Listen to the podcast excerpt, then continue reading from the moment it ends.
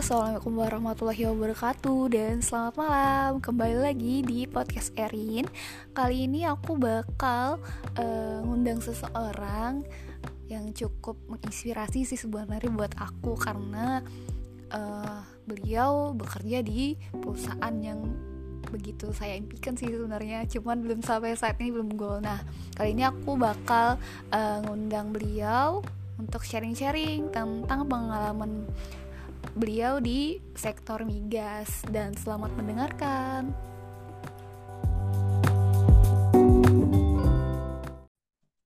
Halo, assalamualaikum.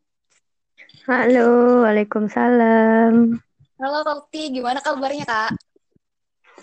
Alhamdulillah sehat. Erin gimana Erin? Alhamdulillah sehat juga. Posisi di mana nih Kak? Di Balikpapan. Oh, di kosan. Okay. Kak, ini kita uh, sharing sebentar boleh ya, Kak ya? Boleh, boleh. Uh, ngobrol santai aja sih. Nah, ini kan aku kan tertarik nih dengan pekerjaannya Kakak saat ini. Sebenarnya awal mulanya Kak Uhti itu bisa bergabung di sektor migas itu seperti apa sih, Kak? Awal mulanya itu dari kerjaan sih apa namanya uh, apa nah ya biasalah ya oh, cari-cari kerja gitu kan.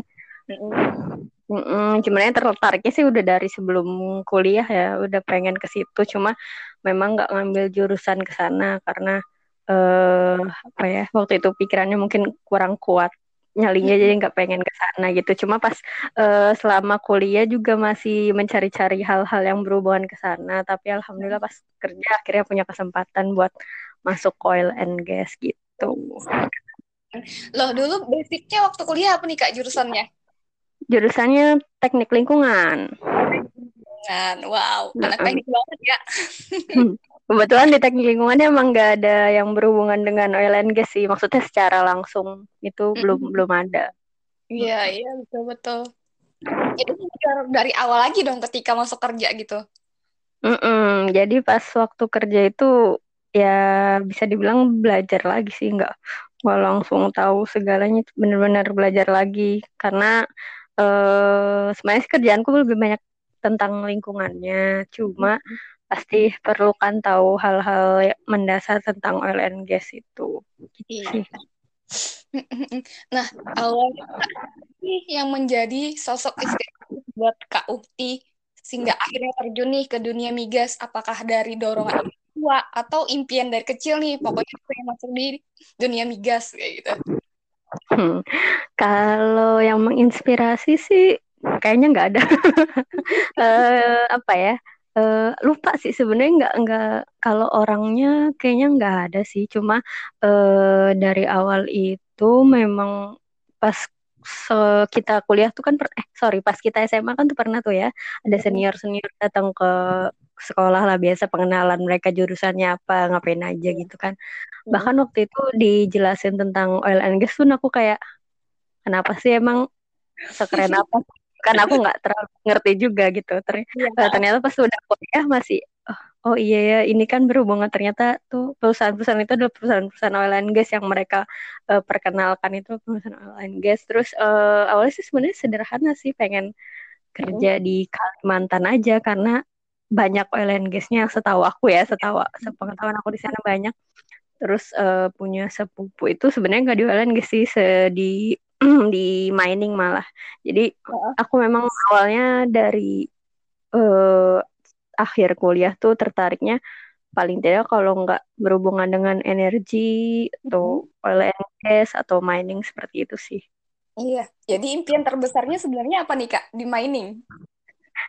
impian terbesarnya justru oil and gas. Uh, jadi kayak uh, apa ya, uh, sepupuku tuh motivasi aja bahwa bisa kok kita ke sana. Maksudnya karena dari uh, kita tuh backgroundnya nggak ada yang keluarganya dari Kalimantan atau luar pulau bahkan tuh nggak ada gitu loh Rin. Jadi uh, luar pulau tuh serasa jauh banget gitu loh nggak iya. nggak pernah terfikirkan gitu. Nggak ada keluarga gitu kak?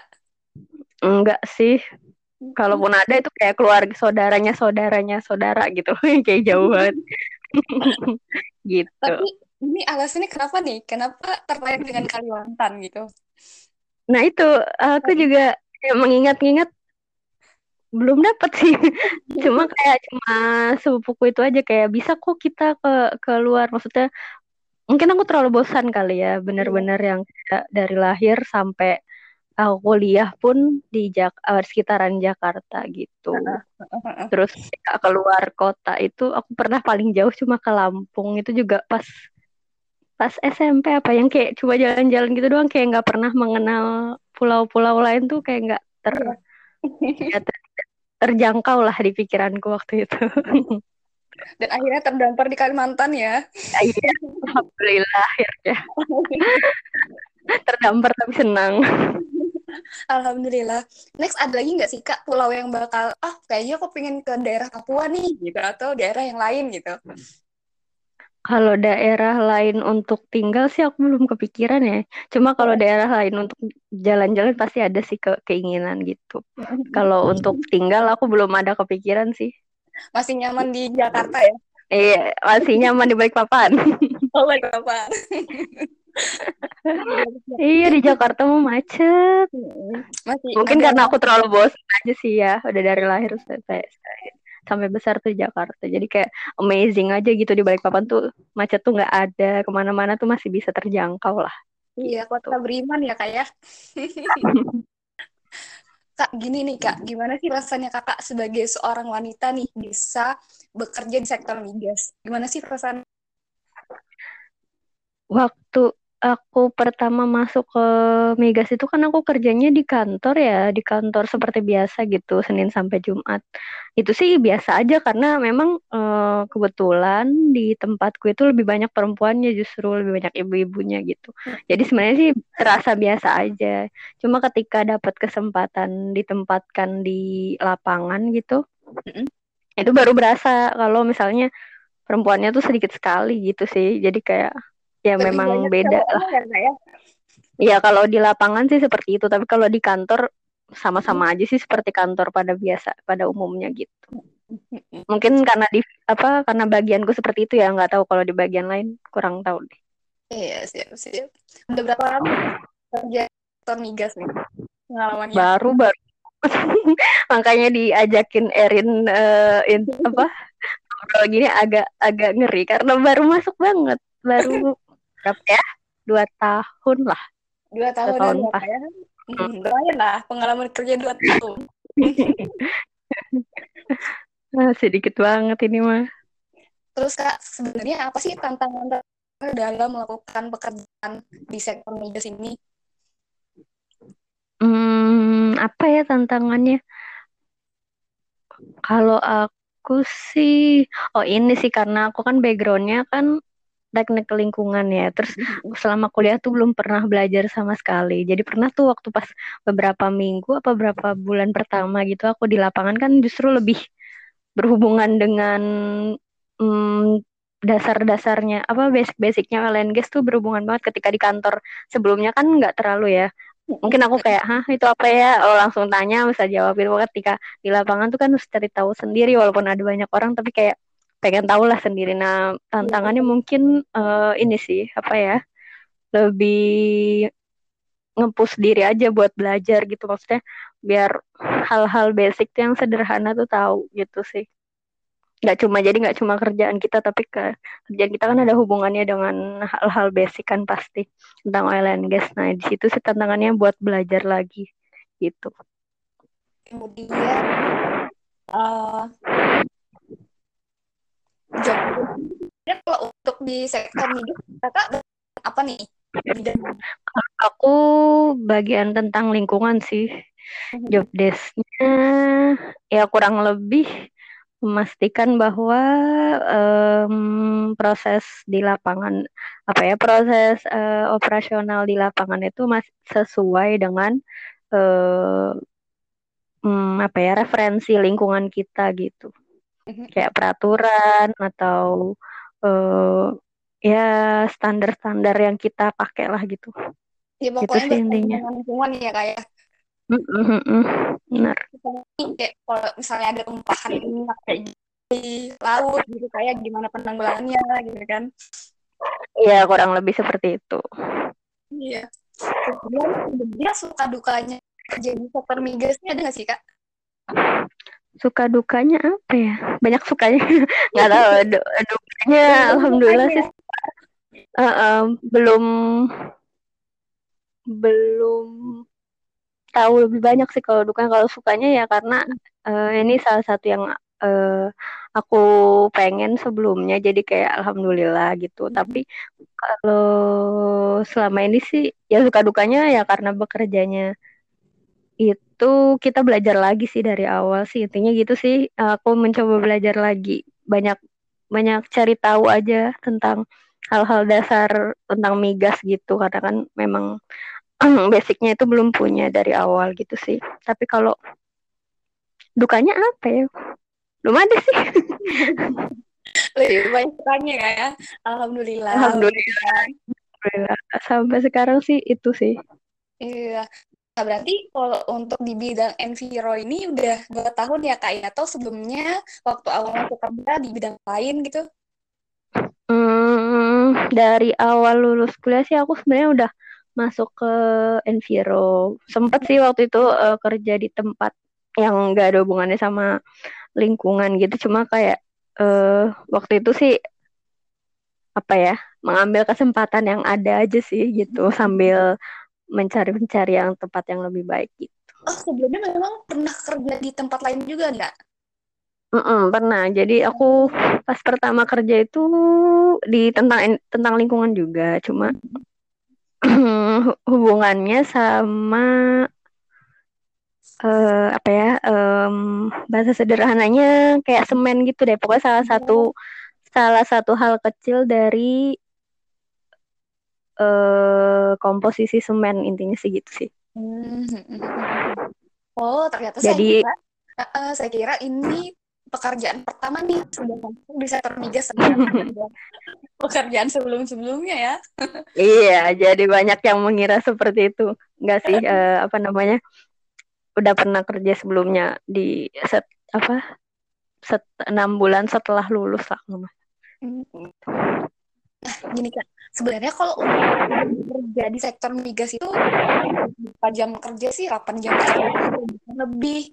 Terus gimana? Um, kalau kerjanya sih kalau aku di sekarang posisinya di kantor, jadi seperti biasa sih Senin sampai Jumat lah. Ya 8 jam kerja normal aja sih. Kalau sebelumnya sempat ditempatkan di lapangan itu jadi ada rosternya itu dua minggu dua minggu dua minggu kerja dua minggu uh, off gitu. Emang standarnya gitu ya kayak kalau di migas ya?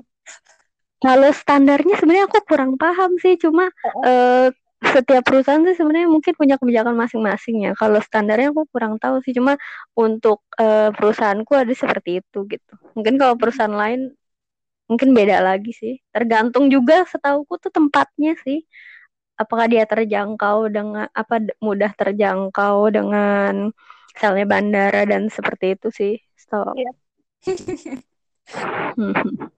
Terus nih kak pengalaman paling berkesan nih dalam bisa bekerja di sektor migas sih kak yang mungkin ini gue banget nih gitu ya. pengalamannya eh uh, Gak tahu ya, tapi aku seneng sih ngelihat.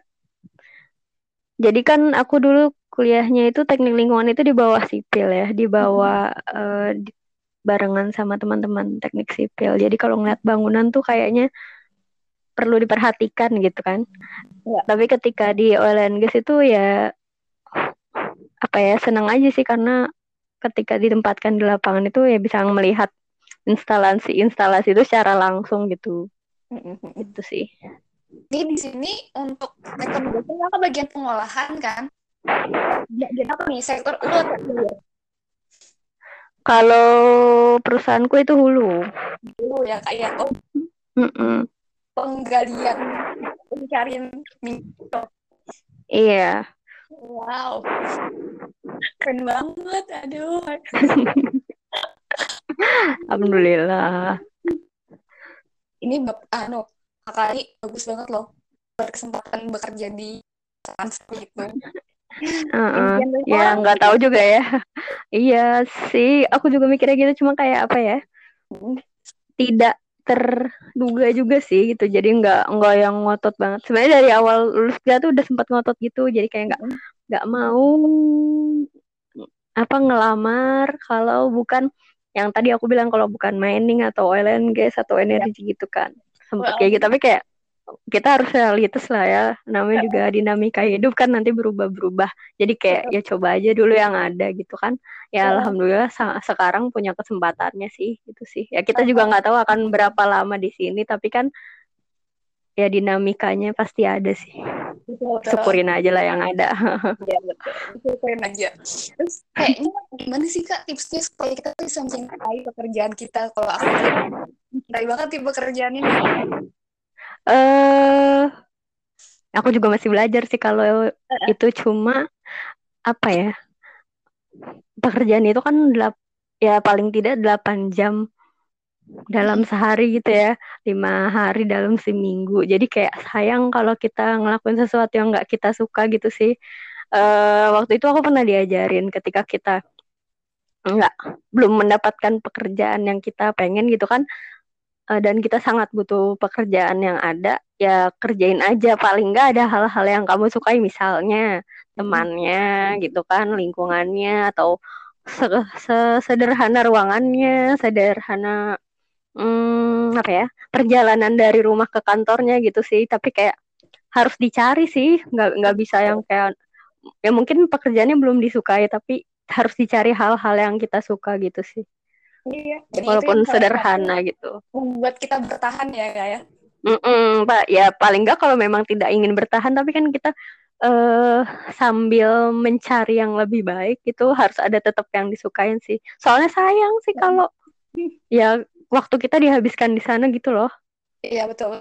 Ya, oh, gitu kan? Mm-mm. Soalnya aku juga pernah kan kerja yang nggak ada backgroundnya environment sama sekali ya. Aku bener-bener harus cari apa yang aku suka gitu. At least teman-temannya uh, apa rekan kerjanya menyenangkan lah gitu. Ya betul. Momen itu cukup berpengaruh ya kak ya? Mm, betul sekali. Terus kalau aku lihat di IG kakak tuh sering banget kayaknya ikut kegiatan sosial gitu kayak kelas inspirasi seribu guru. Apa sih yang membuat hati mudah gitu buat ikut kegiatan itu kalau kelas inspirasi aku belum pernah sih barunya uh, seribu guru.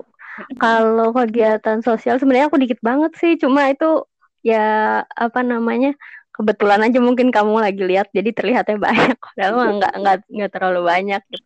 cuma jadi uh, dari awal itu sih kalau di kuliah sih sebenarnya biasa aja ya nggak terlalu gimana gimana terlalu sedikit bahkan mungkin uh, kegiatan sosialnya. Ketika lulus kuliah terus uh, eh, gak ada kegiatan hmm. itu bukan nggak ada kegiatannya tapi minim banget gitu beker, uh, apa yang dilakuin. Jadi kayak sering diajak teman-teman gitu. Aku aku anaknya ikut-ikutan aja sih. Jadi kayak diajak ini ikut uh, sama aku seneng aja sih seseorangnya apa teman-temanku membutuhkan gitu kan ya udah ikut aja. Nah itu udah dari uh, awal udah mulai tuh kayak yang kayak ngajar-ngajar gitu. Uh, apa namanya bahkan ke, kalau kamu tahu Bantar Gebang nggak? Tempat pembuangan akhir tuh di uh, di Bekasi. Kamu pernah juga tuh ke situ ha, kayak ngajar-ngajar. Sebenarnya cuma nemenin temanku doang sih. Jadi kamu nggak banyak ngajarnya cuma ya bener-bener karena aku nggak nggak terlalu paham juga cuma ya men, apa mencari kesenangan aja di situ yeah. terus uh, gitu sih terus uh, kalau pas kemarin itu alhamdulillah pas lagi ditempatin lapangan itu kan yang tadi itu resternya dua minggu masuk oh. dua minggu libur kan nah yeah. alhamdulillah itu pas dua minggu libur aku benar-benar harus ngapain ya gitu kan nah pas uh, kebetulan aja waktunya tuh pas sama ada seribu guru di beberapa kali itu sih gitu jadi nggak ya karena waktunya alhamdulillah pas aja bukan yang dicari-cari banget gitu. Jadi teman akhirnya itu hal positif juga gitu kayak mm -mm, karena nggak tahu ya aku tuh lebih gimana ya kayak membuat orang yang nggak kita kenal senang tuh kayaknya beda aja gitu rasanya. Walaupun sebenarnya kita nggak ngapa-ngapain juga tuh mah kayak main bareng gitu lebih enak aja sih. Iya keren banget kak. Masih belajar kok Erin. Aku kenal Kak Uti itu pada saat berarti Kak Uti itu banget tuh recordingan kayak gitu kan. Terus buat gitu kan ya apa sih yang memotivasi kakak gitu. Ih kadang kok recordingnya sendirian gue berani loh gitu. Yang- Nggak sering banget sih Erin, cuma itu ya tadi waktu itu aku masih punya waktu buat dua minggu libur dua minggu off. Jadi kayak eh, seharusnya sih memang dipakai untuk istirahat ya. Tapi ya sayang lah dua minggu cuma istirahat aja di rumah gitu kan. Eh, selagi ada waktunya kita pakai lah buat jalan-jalan gitu. Em, aku sih itu yang tadi aku bilang aku sih lebih suka jalan-jalan sendiri ya. Lebih suka kayak main sama orang yang nggak kita kenal supaya supaya nggak terlalu ya. lebih sering terkonek dengan hal-hal yang biasa tiap hari gitu loh. Heeh. gitu. Jadi kalau kita ngobrol sama orang yang nggak dikenal kan kita tidak tahu nih harus eh, ngomongin apa gitu kan. Ya mungkin itu situ sih aku jadi kayak lebih eh, lebih bersosialisasi lah. Karena aku eh, jujur eh, jarang banget eh, deket sama orang lain gitu. Oh berarti introvert gitu gak gimana? Introvert gitu kan ya kurang lebih seperti itulah. Tapi kan katanya introvert itu cuma buat energi aja dan sendiri. Tapi ya bisa dibilang seperti itu gitu. Cuma aku seneng sih kalau misalnya memang ketemu orang baru gitu tuh sebenarnya seneng aja. Asal, asal apa ya eh, background kita kan kalau kita jalan-jalan pasti pengennya ke suatu tempat gitu. Jadi kayak Iya, ngomongin hal-hal yang ada di deket kita karena kita lagi jalan-jalan atau next plan-nya mau ke mana di situ sih yang nyenengin bu- buat aku lagi gitu kenalan Iya. Mm-mm, jadi kayak masih nyambung gitu loh. Walaupun diajak Iya, tuh. bareng gitu kan iya, Erin keren loh. Bisa buat podcast. biasa juga ini mungkin masih step lagi nih kak jadi sebenarnya apa sih yang memotivasi buat anak-anak muda takut di Bali misalnya nih kayak kakak jurusan teknik lingkungan kemudian bakal di sektor migas tapi dong kak tips-tipsnya eh apa ya? Aku juga masih belajar sih sebenarnya. Tapi eh menurutku kalau misalnya kita belum sampai gitu, kerjain aja yang ada gitu loh sampai sampai nanti pasti kalau udah jalannya pasti ada aja ketemu ke sana gitu. Kayak aku awalnya kan pengen banget ke Lendes cuma belum ketemu tuh. Tapi ya ya udah kerjain aja yang ada di depan mata gitu. Kayak yakin aja suatu saat sih ya, ya tetap dicari juga sih. Eh, tetap dicari juga gitu sambil tapi nggak usah yang harus kekeh nunggu eh, harus nyampe ke sana dulu. Tapi kayak kerjain aja yang ada di depan mata gitu. Toh mungkin nanti ada jalannya ke sana gitu kali ya kurang lebih gitu sih Erin.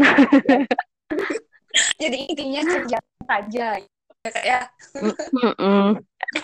Just do it ya katanya sih. Iya. Halo?